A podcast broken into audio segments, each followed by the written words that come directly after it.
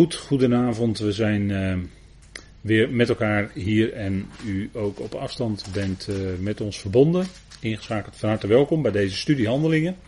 We gaan vanavond weer verder in Handelingen 9. Uh, precies waar we de vorige keer gebleven waren. Tot en met vers 22 hadden we toen behandeld. We gaan nu verder met het verder optreden van Saulus. En Petrus geneest Eneas. En dat, is, uh, nou, dat zijn weer bijzondere dingen, denk ik, die we vanavond met elkaar hopen te bespreken. En voordat we met elkaar gaan lezen, wil ik graag eerst met u beginnen met gebed. Vader, we danken u dat we zo bij elkaar mogen zijn rondom dat woord van u. We danken u dat we mogen leren uit de dingen die geschreven staan. We danken u voor het getrouwe verslag wat Lucas heeft opgesteld aan de hand van de gebeurtenissen en na veel raadpleging en getuigen. En we danken u dat het zo nauwkeurig is vastgelegd wat u door uw Heilige Geest wilde laten opschrijven. Wat wij nu mogen koesteren als dat geweldige woord van u. We danken u dat u ooit Saulus riep en later hem inzet als apostel Paulus. Vader, dank u wel dat het een en al genade is. En zo mogen we dat ook keer op keer leren en elkaar voorhouden. Het is genade waarin we mogen leven overstromende genade. Nog steeds, Vader, is het genadetijd. We danken u daarvoor. We danken u dat u ons die kracht geeft om te leven. Dat ionische leven wat u ons heeft gegeven in Christus. We danken u voor al die rijkdom aan geestelijke zegeningen die we in hem hebben ontvangen, te midden van de hemelsen. We danken u dat daar ook onze toekomst ligt. En dat we binnen afzienbare tijd weggeroepen zullen worden met de bazuin. Vader, we danken u dat dat onze heerlijke toekomstverwachting is. En dat we in afwachting daarvan met elkaar ons mogen verblijden over de schriften, over de vertroosting die we daaruit hebben, die u ons geeft voor ons hart. We danken u daarvoor. En zo ook deze avond. Leid ons in het spreken. Mag het zijn tot eer van u, tot opbouw van ons geloof. Vader, en geef ook dat we een horend hart mogen hebben om die dingen op te slaan en goed te kunnen verwerken. En Vader, mag het zich in ons leven uitwerken tot uw eer. We u daarvoor dat u dat doet in de naam van uw geliefde zoon. Amen. Goed, wij uh, gaan uh, met elkaar lezen en we gaan verder in Handelingen 9 en dan zitten we zo vlak na de roeping van Saulus. Enorm genademoment waarin hij een geweldig licht zag, de Heer hoorde spreken, de Heer zag en hij in, in feite al direct in zijn dienst werd gezet. De grote ommekeer. Vers 21. We nemen nog even iets terug van de vorige keer. En dat is uh, Handelingen 9, vers 21. Daar staat. Allen nu die het hoorden waren ontsteld en zeiden: Is dit niet hij die in Jeruzalem verwoest heeft? Wie deze naam aanriepen? En hiertoe was hij hier gekomen, opdat hij hen gebonden zou leiden naar de overpriesters. De mensen konden het maar amper geloven dat in zo'n korte tijd Saulus zo'n ommekeer had meegemaakt. En dat hij nu predikte, want dat is vers 20, in de synagoge dat Jezus de Zoon van God is. En dat is toch wel iets heel aparts, want hij vervolgde juist de mensen die van die weg waren, van de weg van Jezus, die van zichzelf had gezegd, ik ben de weg, de waarheid en het leven. Enorme ommekeer, een genademoment, zoals Paulus er later ook op terugkijkt en erover schrijft in zijn brieven. We hebben de vorige keer met elkaar gezien dat hij dat zag als overstromende genade. En dat was het ook. Hij predikte meteen, en dat is dan de volgende slide. Meteen predikte hij: Jezus is de zoon van God. En dat deed hij zonder eerst overleg te hebben, want dat moeten we ons goed realiseren. Zonder eerst overleg te hebben met de twaalf in Jeruzalem. Dus hij raadpleegde niet eerst Petrus en de andere apostelen van de besnijdenis. Nee, hij predikte onmiddellijk na zeer korte tijd, heel enthousiast. Jezus is de zoon van God. Hij had hem ontmoet op weg naar Damascus. Overweldigend licht. Overweldigende heerlijkheid. Genade. En dat mocht hij vanaf nu spreken. En nu zit er eigenlijk tussen uh, vers 21 en vers 22 een, laten we maar zeggen, interval van ongeveer Drie jaar. En dat wordt niet in handelingen vermeld. In gelaten 1 schrijft Paulus.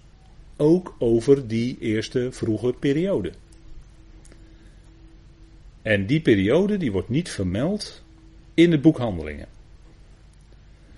En waarom is dat? Nou, dat hebben we al meerdere keren, heb ik dat even genoemd, misschien soms terloops. Maar Paulus heeft in de tijd van handelingen een dubbele bediening. De ene keer is het dat hij een, laten we maar zeggen, een priesterlijke dienst vervult ten opzichte van de natieën, alsof hij in dat koninkrijksevangelie staat. Voor zover hij een stukje dienstbetoon deed in dat koninkrijksevangelie, wordt dat in de handelingen vermeld.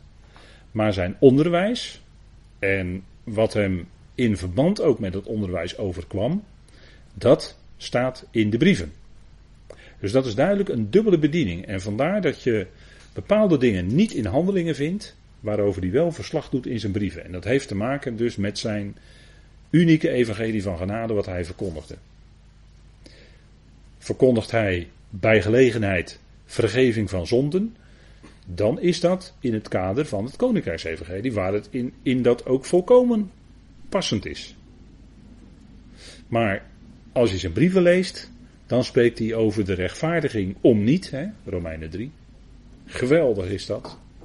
Genade, in zijn genade. En predikt hij de verzoening, dat de verzoening nu uitgaat naar alle mensen. Dat God vrede predikt door het kruis van de Heer Jezus Christus die daar, hè, door dat kruis, door het bloed van het kruis, is vrede gemaakt, zoals we in Colossense besproken hebben. En die vredeboodschap gaat nog steeds uit over de wereld. Het is vrede. Vanuit God. Het is verzoend. En ieder die God daarvoor dankt, daaruit blijkt, als iemand God gaat danken, daaruit blijkt dat God dan in diegene in het hart gewerkt heeft met zijn geest, met zijn evangelie van genade. En die dankt God eenvoudig voor de ontvangen genade. Dat is het evangelie wat in deze tijd geldt en wat de apostel Paulus gaandeweg handelingen ook ging prediken. Maar dat lees je dus niet in handelingen zelf, want handelingen is bedoeld om antwoord te geven op die vraag in handelingen 1. Heer, zult u in deze tijd het koninkrijk aan Israël oprichten? Dat was de vraag in handelingen 1. En heel het boek handelingen geeft antwoord op die vraag.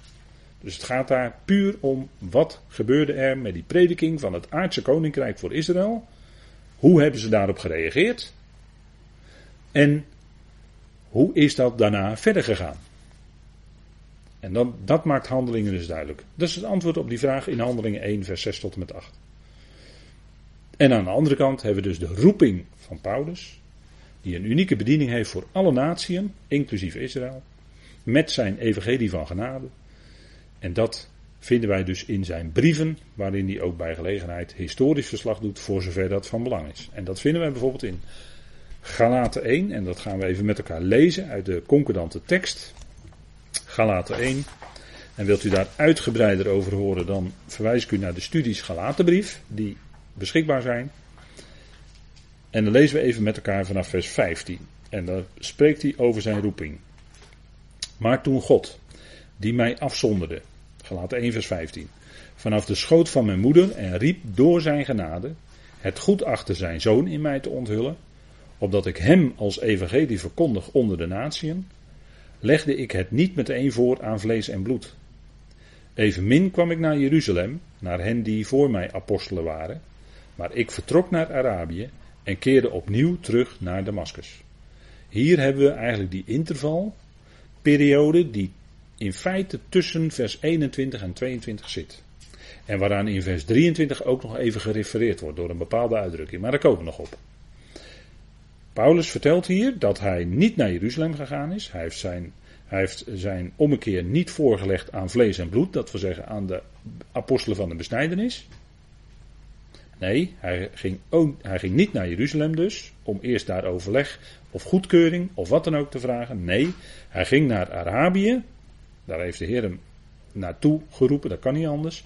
En in die periode in Arabië is hij door de Heer zelf onderwezen wat alles in Tenach betekende. En wat allemaal betrekking had op de Heer zelf. Wat dus in die Hebreeuwse schriften die van Israël zijn en waar Saulus zo goed in doorkneed was geworden aan de voeten van Gamaliel. Daarin had de Heer hem duidelijk gemaakt, zijn ogen voor geopend, wat allemaal in die schriften op hem betrekking had. En dat is ontzettend veel. De Torah is een schaduw van de toekomende goederen. Dus de wet spreekt van de Christus. Maar niet alleen de eerste vijf boeken, maar ook de profeten en ook de psalmen. Ze spreken allemaal van Hem, die de vervulling is van de schriften. En weet u, met Christus, de prediking van Christus, de Messias, Christus Jezus, als, je, als die in de schriften naar voren komt, hè, want het getuigenis van Jezus is de geest van de profetie, zegt openbaring ook. Als hij naar voren komt in de schriften, dan is het ook daadwerkelijk een levend woord. Dan is het een levende schrift, want het spreekt van die levende Heer. En dan wekt het ook in mensen leven, want Paulus zegt hier ook, opdat ik hem als evangelie verkondigde. Hij is het evangelie. Christus Jezus, hij is het. Het gaat om hem. Het gaat niet om ons. Het gaat om hem. Hij is de vervulling van alle profetie. Hij is dat goede nieuws. Alles wat hij is en wat hij deed en wat hij is opgewekt uit de doden enzovoort. Al dat heil is gecentreerd in onze Heer Jezus Christus. Het gaat om hem. Paulus verkondigde hem als evangelie. En zo zou het ook zijn. Kijk, meestal, eh, of vaak gebeurt het, vaak gebeurt het in prediking, dat een prediker uh, heel veel dingen over zichzelf vertelt. En dan denk ik, dan zit je er net naast. Want het gaat niet om jou, prediker. Het gaat om degene van wie gesproken zou worden. En dat is wat Paulus hier ons voorhoudt. Hem met een hoofdletter. Christus Jezus als evangelie verkondigen. Het gaat om hem. En daar, dan is het ook voluit genade, want wie heeft het bewerkt? Hij heeft het bewerkt. Het is de rechtvaardiging om niet in zijn genade. Het gaat dus niet om onze eigen werken, nee, het gaat om zijn werk. Dan is het ook genade. En zodra je er wat zelf probeert aan toe te voegen, dan is het al geen genade meer, want dan is het genade plus. En daarom hoefde de apostel Paulus, of toen nog Saulus, niet zijn boodschap of zijn ommekeer of wat dan ook eerst voor te leggen aan de apostelen van de besnijdenis, alsof hij menselijke goedkeuring nodig had. Nee, de Heer had hem rechtstreeks geroepen, wie? De verheerlijkte Heer, die die nooit lijfelijk in het vlees ontmoet had. Dat was dus een zuiver geestelijke zaak. En dat kenmerkt ook deze tijd. Hè. We hebben alle geestelijke zegeningen in Christus te midden van de hemelsen. We hebben geen aardse zegeningen. En we hebben het goed. We hebben een mooi huis om in te wonen. We hebben warmte om ons heen in de winter, enzovoort, enzovoort. Alle materiële genot hebben we. Maar dat is geen vanzelfsprekend iets. Er zijn ook gelovigen geweest die hun hele leven straatarm waren en toch waren ze schat hemelrijk. Want ze kenden hem. En dan, dat is, dat is alles, dat is alles waard. Meer, meer hoef je in feite niet. Als je Hem kent, dat, daar ging het bij Paulus ook om, Filippenzen 3. Hem te kennen en de kracht van zijn opstanding. Daar gaat het om. dat is van belang. Hij centraal in ons leven. En ja, dan is het natuurlijk geweldig wat, wat hij naar voren mocht brengen. En daarom, kijk, dat lees je niet in handelingen. Deze dingen lees je allemaal niet in handelingen. Maar deze dingen, die lees je wel in de brieven van Paulus. Dat is een enorm verschil. Dat heeft te maken met die dubbele bediening. En dat wordt vaak, uh, daar wordt vaak aan voorbij gegaan in de uitleg. Dat wordt vaak over het hoofd gezien. Maar dat is wel degelijk aan de orde. Je, moet die dingen, je kan die dingen in elkaar schrijven en zeggen van kijk, tussen dat vers en dat vers is er dat en dat gebeurd. Het is maar liefst een periode van drie jaar. Maar dat was voor Lucas niet nodig om te vermelden. De Heilige Geest leidde Lucas niet daarin om dat ook te vermelden. Maar Paulus wel die vermelden het wel. En dat is denk ik goed om dat met elkaar vast te stellen. Paulus dienst in het Koninkrijksevangelie. We gaan verder, vers 22. En dan is dus die periode van drie jaar in Arabië geweest, waarin hij onderricht heeft gehad van de Heer zelf. En dan lezen wij, Saulus nu werd eerder krachtig gemaakt. En dat is die periode, hè, daar, daarin zou je kunnen zeggen, kijk, dat is die periode van drie jaar. Saulus werd krachtig gemaakt. Dat is een prachtig woord in het Grieks. dat heeft ook te maken met ons woord dynamis, waar dynamiet van afgeleid is. Saulus nu werd eerder krachtig gemaakt. En dat zegt hij ook tegen Timotheus bij gelegenheid. En ook wij kunnen ons wel eens zwak voelen. Timotheus was beschroomd. Timotheus die was misschien erg, ja, erg of misschien wel zich, zich erg snel terugtrekkend als, als mensen kritiek leverden en als mensen tegenstand boden. En, en dan zegt Paulus tegen Timotheus in die tweede Timotheusbrief: Timotheus wordt bekrachtigd in de genade van Christus Jezus. En dan gebruikt hij daar datzelfde woord, bekrachtigen, als wat hier gebruikt wordt voor Saulus zelf. Saulus nu werd eerder krachtig gemaakt en bracht de Joden die in Damascus woonden in verwarring, afleiden dat deze de Christus is. Hij werd krachtig gemaakt. dat is een woord wat we ook vinden bijvoorbeeld bij Abraham. Abraham die had op een gegeven moment een periode van, ja, waar blijft dat beloofde zaad nou? God had die belofte gegeven, maar waar blijft het nou? Het duurt allemaal zo lang. En Sarai en Abraham die konden op een gegeven moment geen kinderen meer krijgen.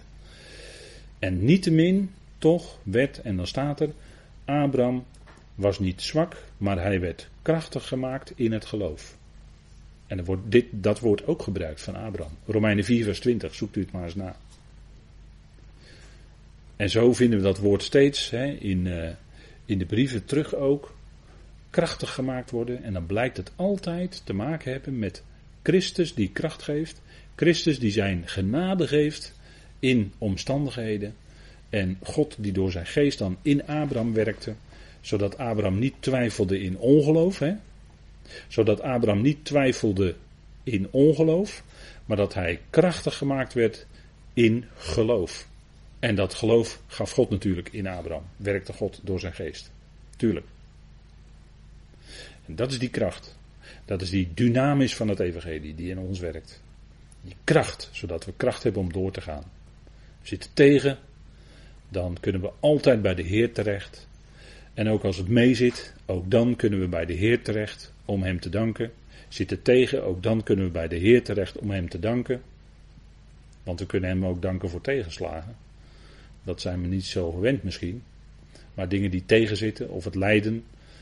En ik zeg niet dat het makkelijk is, maar de apostel Paulus verheugde zich in zijn lijden ter wille van het lichaam van Christus. Dus danken in tegenslagen, danken als het tegenzit. En ook het doorhebben, als het tegenzit, als het tegenwerking is. Als het moeilijk gaat, of als het allemaal via hobbels en, en voetangels en klemmen, u kent al die uitdrukkingen wel. Als het zo allemaal gaat, vergeet nooit dat je als gelovige, je staat in een geestelijke strijd. De tegenwerkende krachten en machten kunnen wij niet zien, maar die werken wel. En die werken vooral tegen de gelovigen. Die werken tegen degenen die van Jezus zijn, die van Jezus Christus zijn. Of moet ik zeggen, voor ons, die van Christus Jezus zijn. Dat is beter gezegd, hè? Maar kijk, die machten en krachten die zijn altijd erop uit om het tegen te werken. En dat ervoerde apostel Paulus zelf ook, van meet af aan. Als hij Jezus predikte die de Christus is, direct kwam er tegenstand. En altijd komt dat uit ongedachte hoek. Dat, dat komt dan, tegenstand kan van links komen, het kan van rechts komen. En van rechts, laten we maar zeggen, is het van binnenuit. En dat bedoel ik dan best wel breed eigenlijk, van binnenuit. En van links is van buitenaf. Zou ik misschien nog wat verduidelijken? Als het van links is, is bijvoorbeeld Demetrius, de zilversmid in Efeze, die Artemis-tempels maakte. De mensen gingen hun toverboeken verbranden. En die kochten niet van die beeldjes meer, dus ze kwam aan zijn inkomsten. En dus, dus veroorzaakte hij een oproer. Maar dat was van buitenaf. Dat ging om de handel. Dat was een ongelovige. Dat was dus van links. Maar van rechts, begrijpt u het wel, dat is van binnenuit. En dat ervoer uh, Saulus ook. Laten we maar kijken, want dit gaat ook nu gebeuren. Dit gaat gebeuren.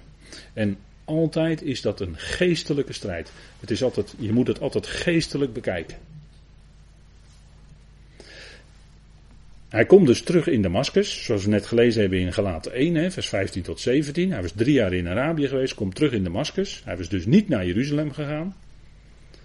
En hij, was, hij had onderricht gehad in de Tenach, wat dat nou allemaal betekende, wat allemaal betrekking had op hem, op Christus. Zoals hij dat ook had gedaan. Hè. Jezus had het ook gedaan in zijn opstanding bij die Emmausgangers, weet u wel.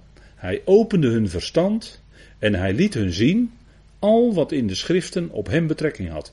Uit de wet, de psalmen en de profeten. Leest u het maar na, het staat in Lucas 24. Wie deed dat? Hij zelf. En zo heeft hij ook Saulus onderwezen, zijn verstand geopend en hem laten zien al wat in de schriften op hem betrekking had. Ja, dat moet een geweldige tijd geweest zijn voor Saulus.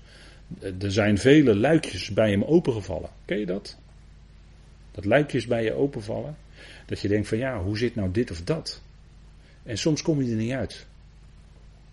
En dan is het beste om het bij de Heer te brengen. Ik weet niet wat ik ermee moet. Ik begrijp dat niet uit de schrift. Of ik begrijp dat en dat niet. En ik kom er niet uit. Leg het maar neer bij de Heer. En het kan best zijn dat de Heer ineens na een jaar of na anderhalf jaar je iets laat zien uit de schrift. En dat ineens bij jou dat luikje openvalt. Oh, wacht even, zo zit het. Zo, zo gaat dat. Zo gaat het in de praktijk. Dat gaat niet van een op de andere dag, maar dat, is een kwestie van jaren. Zouden ze dat ook eerst drie jaar nodig in Arabië? En misschien is hij wel geweest uh, in de buurt van de Sinaï in Arabië, want dat noemt hij ook in Galaten 4 vers 25. Hè, noemt hij de berg Sinaï in Arabië. Dat is dus niet die in de Negev, wat altijd gedacht wordt, werd. Maar dat is de berg Sinaï in Arabië. Daar heeft Mozes de Torah ontvangen. Niet in de Negev-woestijn. Dat is wel duidelijk geworden. Maar hij bracht de Joden in verwarring, de Joden die in Damascus woonden in verwarring, afleidend dat deze de Christus is. Want toen waren het ook uh, zogenaamde shul, de, shul was er toen ook al, de synagoge. Dat is een beetje Jiddisch woord voor synagoge, de shul. Daar kennen wij, hebben wij ons woord school vandaan, denk ik. Kijk, dit heb ik nog niet gezegd, maar het vorige plaatje, dit is de synagoge in Enschede. Daar zijn we ook een keer in geweest, prachtig. Hele grote synagoge dat, grote zaal. Je kijkt je ogen uit. En de gids wist daar allerlei interessante dingen van te vertellen. Dus het was heel boeiend. Heel mooi om daar te zijn. En ook toen hadden ze verschillende synagoges uit verschillende richtingen. En ook in Damascus ongetwijfeld. En hij leidde af. En dat, dat woord afleiden is eigenlijk heel mooi. Dat betekent uh, dingen bij elkaar brengen. En, en u, u hoort wel eens zeggen, je moet schrift met schrift vergelijken. En dan breng je eigenlijk dingen uit de schrift bij elkaar, die bij elkaar horen. En dan merk je dat de schrift eigenlijk zichzelf uitlegt. De schrift verklaart zichzelf. En, en mensen zijn uh, geneigd om uh, zelf een verklaring te zoeken of te denken dat iets zo is. En dan weten ze soms heel stellig te zeggen, joh, dat of dat is zo. En dan hoor je later, nee, ik dacht dat het zo was, zeggen ze dan. Maar wat ik veel belangrijker vind, is dat je met je vinger aan kan wijzen, daar staat het. Dat staat geschreven. Dat vind ik belangrijk. Ik vind eigen meningen en gedachten kan heel interessant zijn hoor, dat je als gelovige van gedachten wisselt over. Maar staat het ook geschreven? Ben je ook een bereer? Zoek je deze dingen ook na of ze ook zo zijn in de schriften? en Paulus die bracht dan bij elkaar, dat woord afleiden heeft te maken met uh, samenbrengen eigenlijk. Dus hij bracht schriften bij elkaar en liet aan de Joden zien dat deze de Christus is, dat deze de vervulling is van de schriften. Jezaja 53, het gaat in feite over die Messias, Jezus, die gekomen is. Die inderdaad bij de rijken was in zijn dood. Enzovoort. En die Psalm 16, dat spreekt over de opstanding van Christus. Dat zijn ziel niet overgelaten werd in de Hades of in het Sheol, maar dat hij het pad van het leven bekendgemaakt werd. Hij werd levend gemaakt.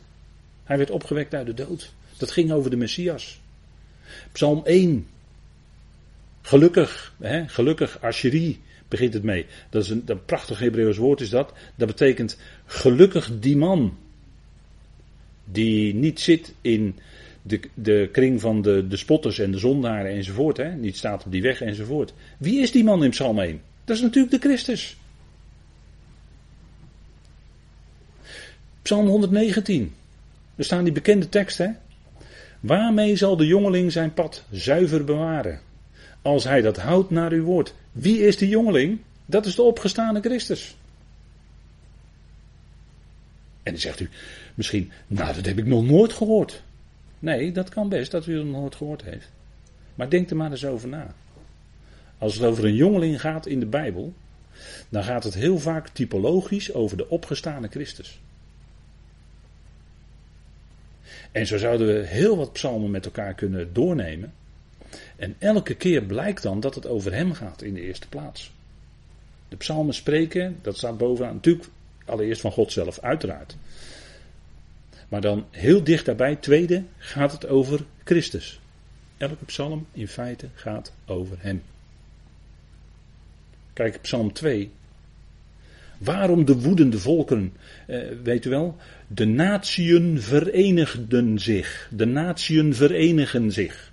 En wat kennen wij? Een groot orgaan in deze tijd. De Verenigde Naties. Nou, ik denk dat dat toch wel duidelijk is, hè?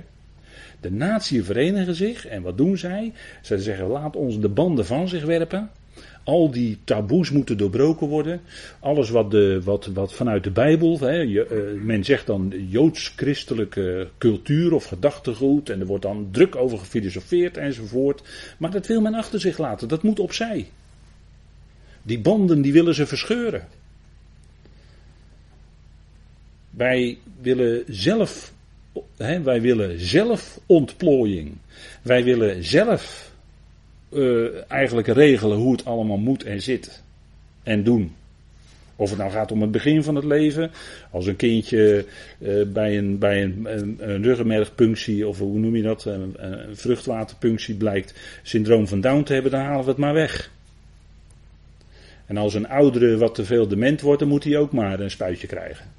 Ja, ik zeg het even heel kort door de bocht, maar daar zijn we dus wel mee bezig in onze maatschappij in onze westerse wereld. Dat is allemaal, laat ons de banden van ons werpen, Verenigde Naties. Maar God heeft zijn Heer neergezet als gezalfde. Hij heeft zijn koning al gezalfd over Sion. En die gaat komen. Dat is voorzegd in vele profetieën. Hij gaat komen. En dat gaat niet zo lang meer duren. Dat zijn geen loze woorden hoor van de schrift. Die zullen allemaal tot op de letter vervuld worden. En hier overtuigde of uh, sprak de Saulus in deze synagoge dat deze de Christus is. Die Heer die hij had ontmoet, die hem overstromende genade had betoond op weg naar Damascus. Daar was Saulus vol van. Ja, dat is, ja, dat is nogal uh, logisch.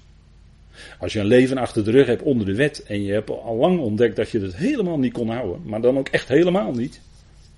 Misschien aan de buitenkant wel, maar dat is de vrome oppoetserij hè, aan de buitenkant. Nee, maar de wet vanuit je vlees, je bent echt niet in staat om te houden. Lees Romeinen 7 maar. Nee, maar genade. Kijk, dan komt genade, dan komt die geest in je wonen. Dan komt genade en die gaat in je werken. En dan, dan is het heel anders. Dat is een hele andere wereld. Dat is een hele andere leefwereld. En dan blijkt, dan blijkt, oh wonder, dat je door die geest in je die ander kan liefhebben.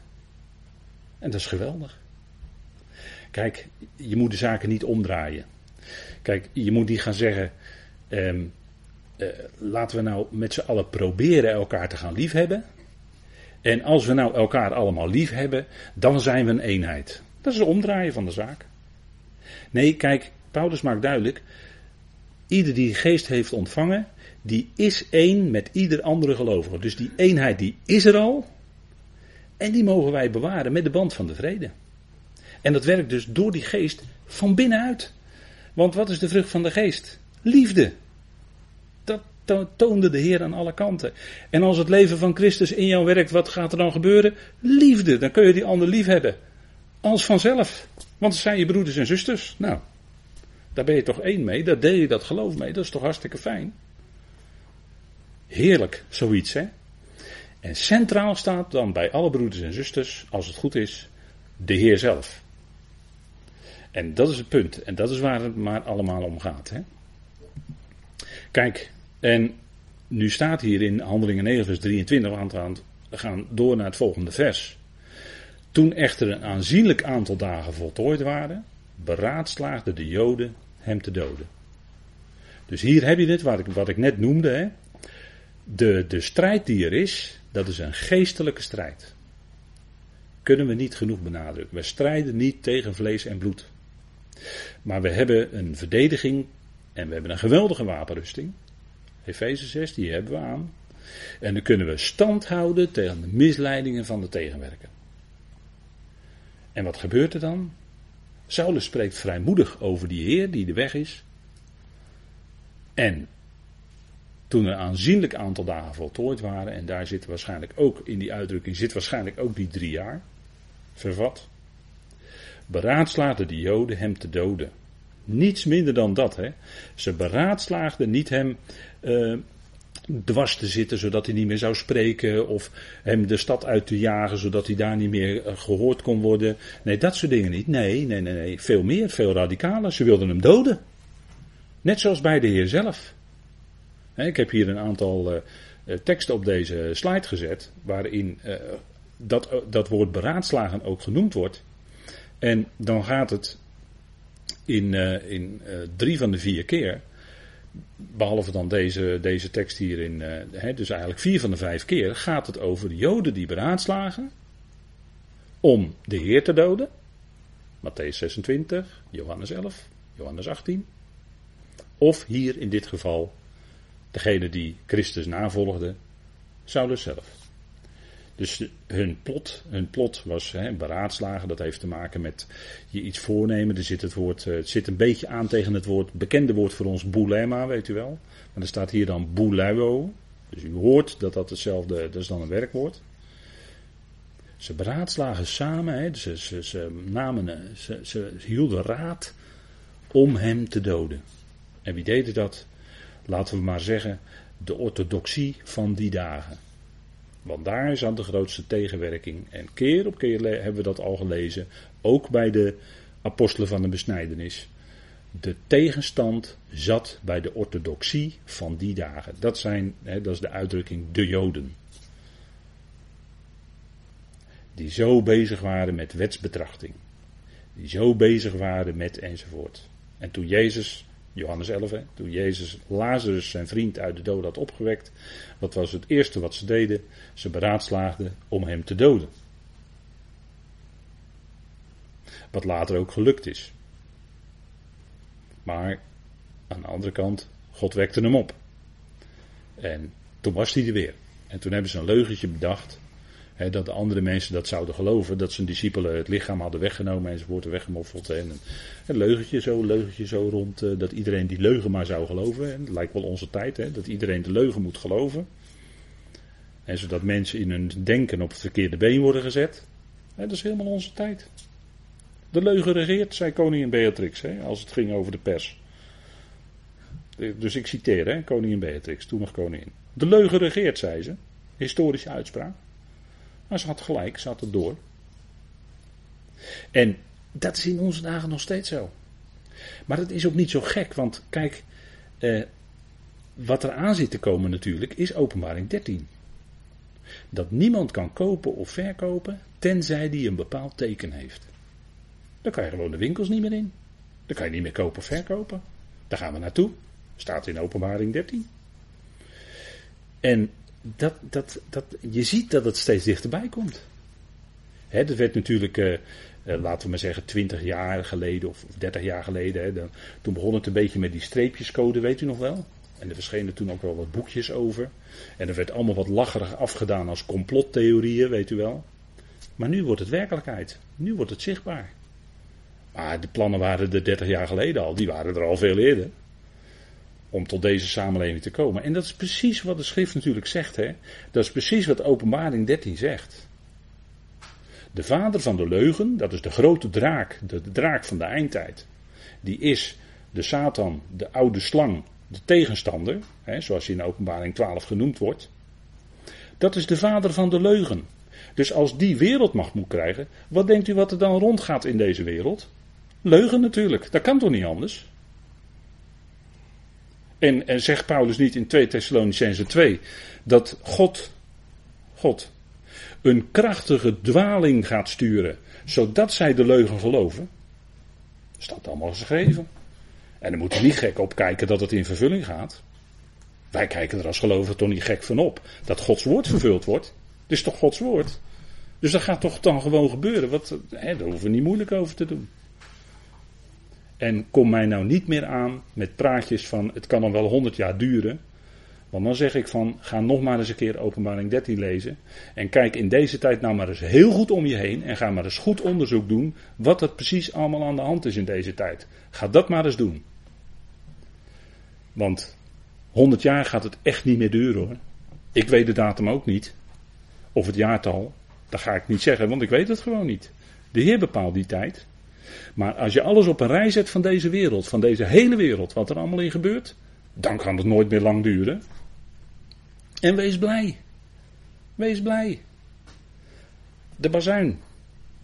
En daarna gaat de Heer zelf komen. En die gaat gewoon een einde maken aan het hele zootje.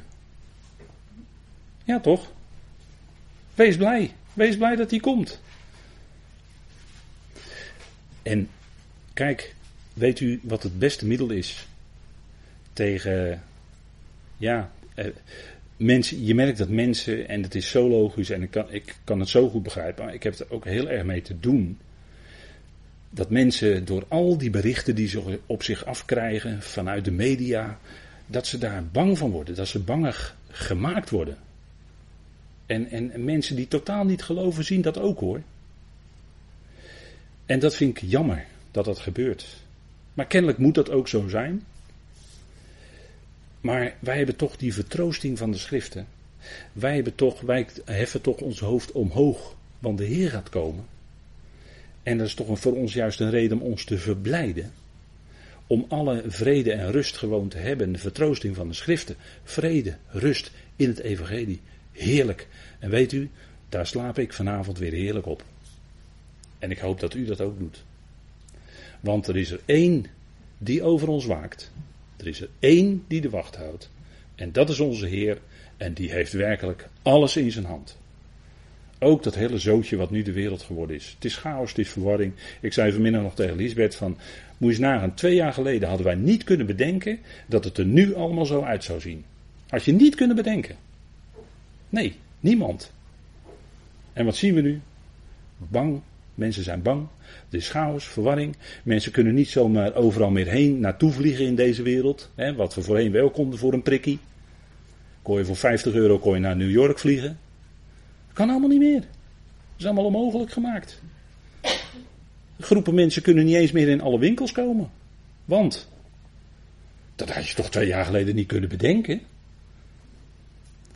Nou, is het gek als de Bijbel spreekt over een grote verdrukking die over Israël zou komen. Dat wij nu al iets van verdrukking meemaken, is dat nou zo gek als het koninkrijk gaat doorbreken?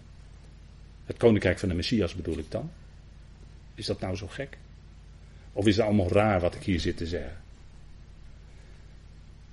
Ik ben ervan overtuigd dat openbaring 13, dat, gaat, dat zit eraan te komen. Daar ben ik zo van overtuigd. En kijk, dit, dit is natuurlijk ook een geestelijke. Dat, dat, eh, ik zeg dat ook in het kader van een geestelijke strijd. Ik heb u de geestelijke componenten genoemd. De tegenstander is er nu op uit om zijn plan door te zetten dat hij de hele wereld aanbidding opeist. In plaats van Christus. En dan noem ik het woord antichristus. Ja, dat gaat komen. Dat gaat komen. En dat is, denk ik, dat we ja, op kunnen zien naar Hem. Hè? We hebben die heerlijke verwachting. Bij Saulus werd hun complot, hé, het woord complot, werd, werd hun complot echter bekend. Nu hielden zij ook de poorten nauwgezet in de gaten, zowel overdag als nachts, zodat ze hem zouden doden. Kijk, het woord complot, dat is uh, eigenlijk het woord samenzwering. Hè, er wordt samen gezworen. Hè, mensen komen dan samen en ze zweren dan dat ze Saulus zullen ter dood brengen. Hè, samenzwering. Of een, met een mooi Nederlands woord, intrige. Nou, mag u gelijk weer vergeten. Maar dat woord heeft ook te maken met bouleuo. Hè. Staat, u ziet hier het woord staan, dat is epiboulet. Dat heeft ook met boulema te maken, bijvoorbeeld. Hè, dat, zit, allemaal dezelfde woordfamilie. Hè, maar dat is dus ook een, tezamen een raad houden. Tezamen raad houden. Om hem dus te doden. Nou, dat woord hier is in de NCV is het met complot vertaald. En tegenwoordig moet je erg voorzichtig zijn als je achter bepaalde ontwikkelingen iets denkt.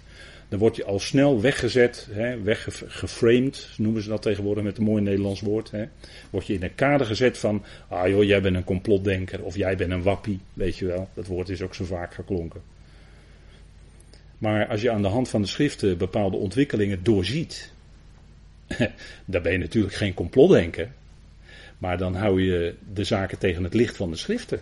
En ik denk dat dat heel gezond is om dat te doen in deze tijd. Wat zegt de schrift? Nou, dat en dat, dat gaat komen.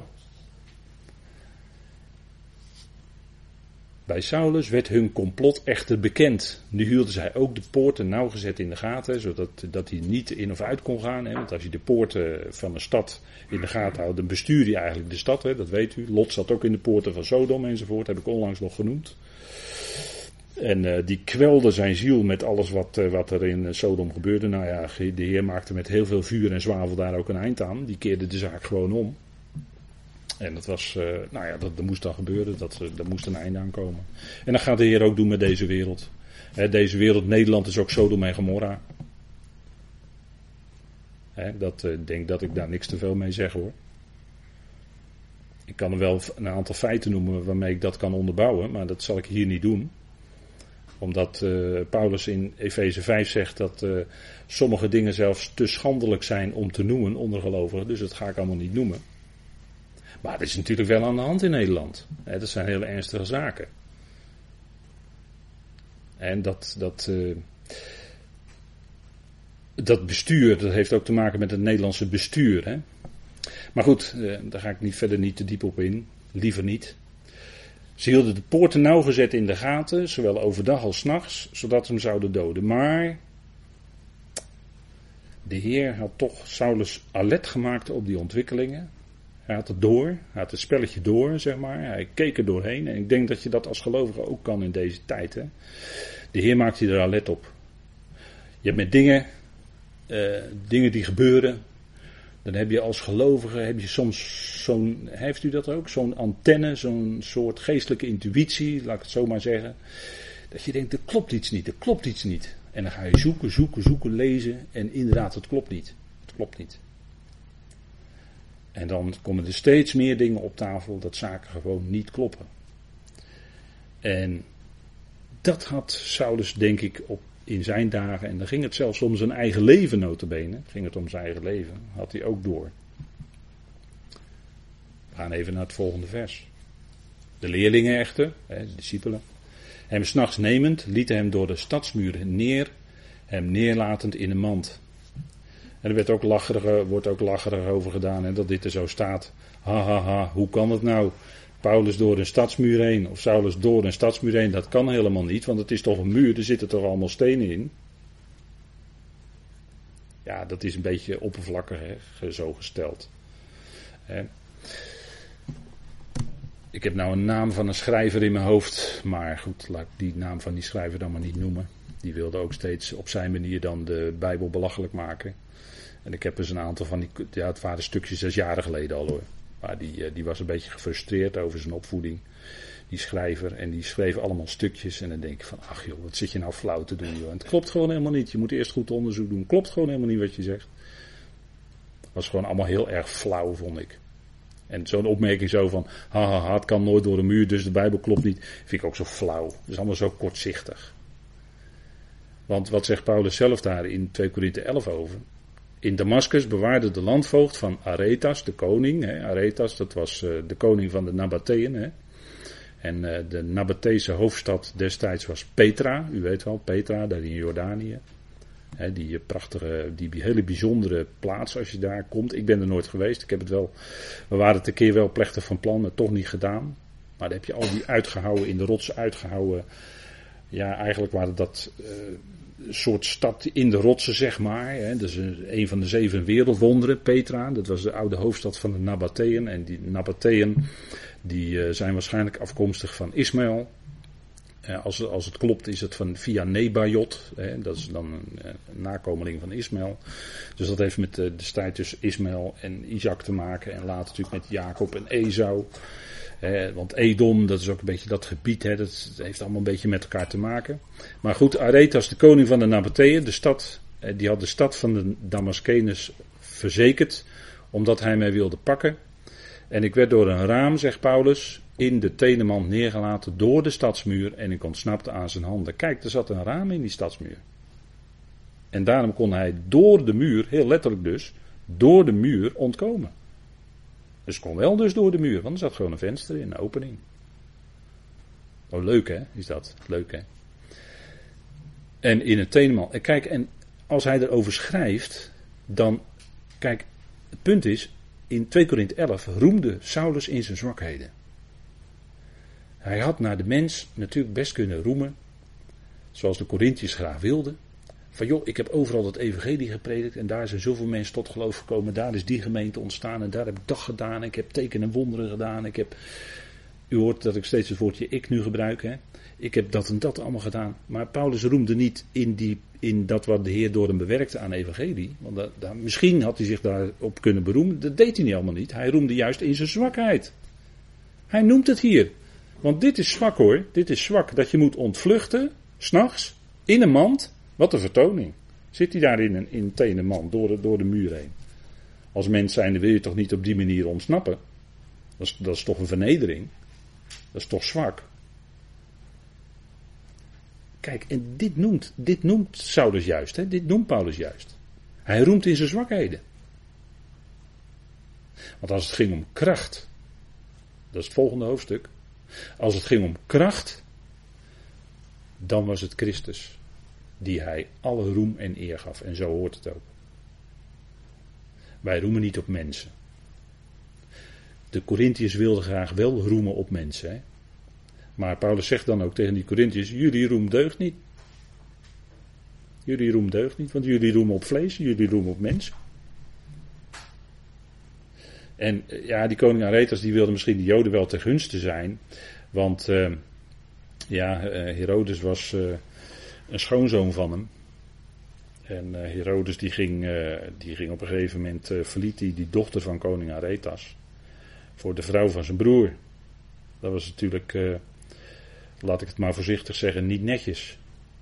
Hij maakte er gewoon een zootje van eigenlijk, zou je wel kunnen zeggen. Hè, die Herodes. En Johannes de Doper die zei ook wat tegen hem en die werd uh, onthoofd. Hè. Herodias die uh, wil dat hoofd van Johannes wel hebben. Ja, natuurlijk. Want Johannes liet zien van joh, jullie leven klopt helemaal niet. Jullie zijn bezig met elkaar te hoeren en te snoeren en weet ik wat allemaal. Klopt allemaal niet, jullie maken er een zootje van. En er was koning Aretas, die wilde misschien de Joden wel te gunsten zijn. En daarom liet hij die stadsmuur bewaken, zodat uh, die, die Paulus dan, of Saulus dan te pakken kon nemen. Dat speelde misschien ook wel een rol. Hè? Dat zou zomaar kunnen. Saulus, Paulus roemde in zijn zwakheden juist. Dat is heel wonderlijk. Hè? En aankomend, volgende vers, vers 26. En aankomend in Jeruzalem probeerde hij zich aan te sluiten bij de discipelen. En alle vreesden hem. Niet gelovend dat hij een discipel was. En dat is natuurlijk logisch, want ja, hij ging natuurlijk als een verschrikkelijke, uh, verschrikkelijke tekeer tegen de mensen die van die weg waren, tegen die zwakke gelovigen. Hij had brieven van de hoge priester meegekregen. Het Sanhedrin ging wel, eh, zag, had natuurlijk wel gezien dat hij als een dolle man tekeer ging. En ze dachten van nou, die kunnen wij wel inzetten voor onze plannetjes. Die kunnen we wel gebruiken. Dus ze paaiden Saulus en uh, ja, die wilde wel. Nou, die wilde wel hoor. Nou, precies. Het Sanhedrin dacht zo, Saulus die, uh, die liet zich mooi sturen door dat Sanhedrin. Sanhedrin op de achtergrond, lekker zo de macht over hem. Lekker, lekker hem sturen naar alle kanten die ze wilden. zo was het Sanhedrin bezig. En hij ging een woesteling tekeer. Naar het buitenland notabene. Om mensen die eventueel nog daar van die weg waren, van die secte waren, om die allemaal ook... Uh, dus het is logisch dat toen hij terugkwam, na een aantal jaren, en ze hadden natuurlijk allerlei verhalen gehoord dat hij terugkwam, dat ze toch nog niet konden geloven. Hij ook een discipel geworden van Jezus? Hij ook een volgeling? Ah, dat kan, dat kan niet. Ze waren eerder bang voor hem. En dat was logisch. En ze konden maar niet geloven. En dat, kijk, dat woord niet is een beetje een zwak woord niet. Er zijn verschillende woorden die je eh, als ontkenning in het Grieks hebt. En dit is nu niet zo'n sterk woord. Dus ergens zit daar ook een beetje twijfel bij. Ze, ze, ze, konden niet helemaal geloven dat hij nou een discipel was. Ze moesten overtuigd worden. En, en, en dat gebeurde ook. Dat gebeurde ook, hè. De, de geschiedenis vervolgt zich. Dus hij komt pas, hè, moet u even nagaan, hij komt pas na ruim drie jaar, eh, misschien waarschijnlijk wel iets langer, misschien na drieënhalf jaar, komt hij terug in Jeruzalem. En ze kunnen maar nauwelijks geloven dat hij ook van Jezus is. En hij probeerde zich toch aan te sluiten. En natuurlijk begreep Paulus, Saulus, begreep dat wel, dat, dat ze aarzelde. Dus hij had echt hulp nodig. En wat doet de Heer dan? Die stuurt hulp op de weg. In de vorm van iemand die later, waar die later wat langer mee zal optrekken. Maar we gaan eerst even pauzeren met elkaar. En dan gaan we straks weer met elkaar verder.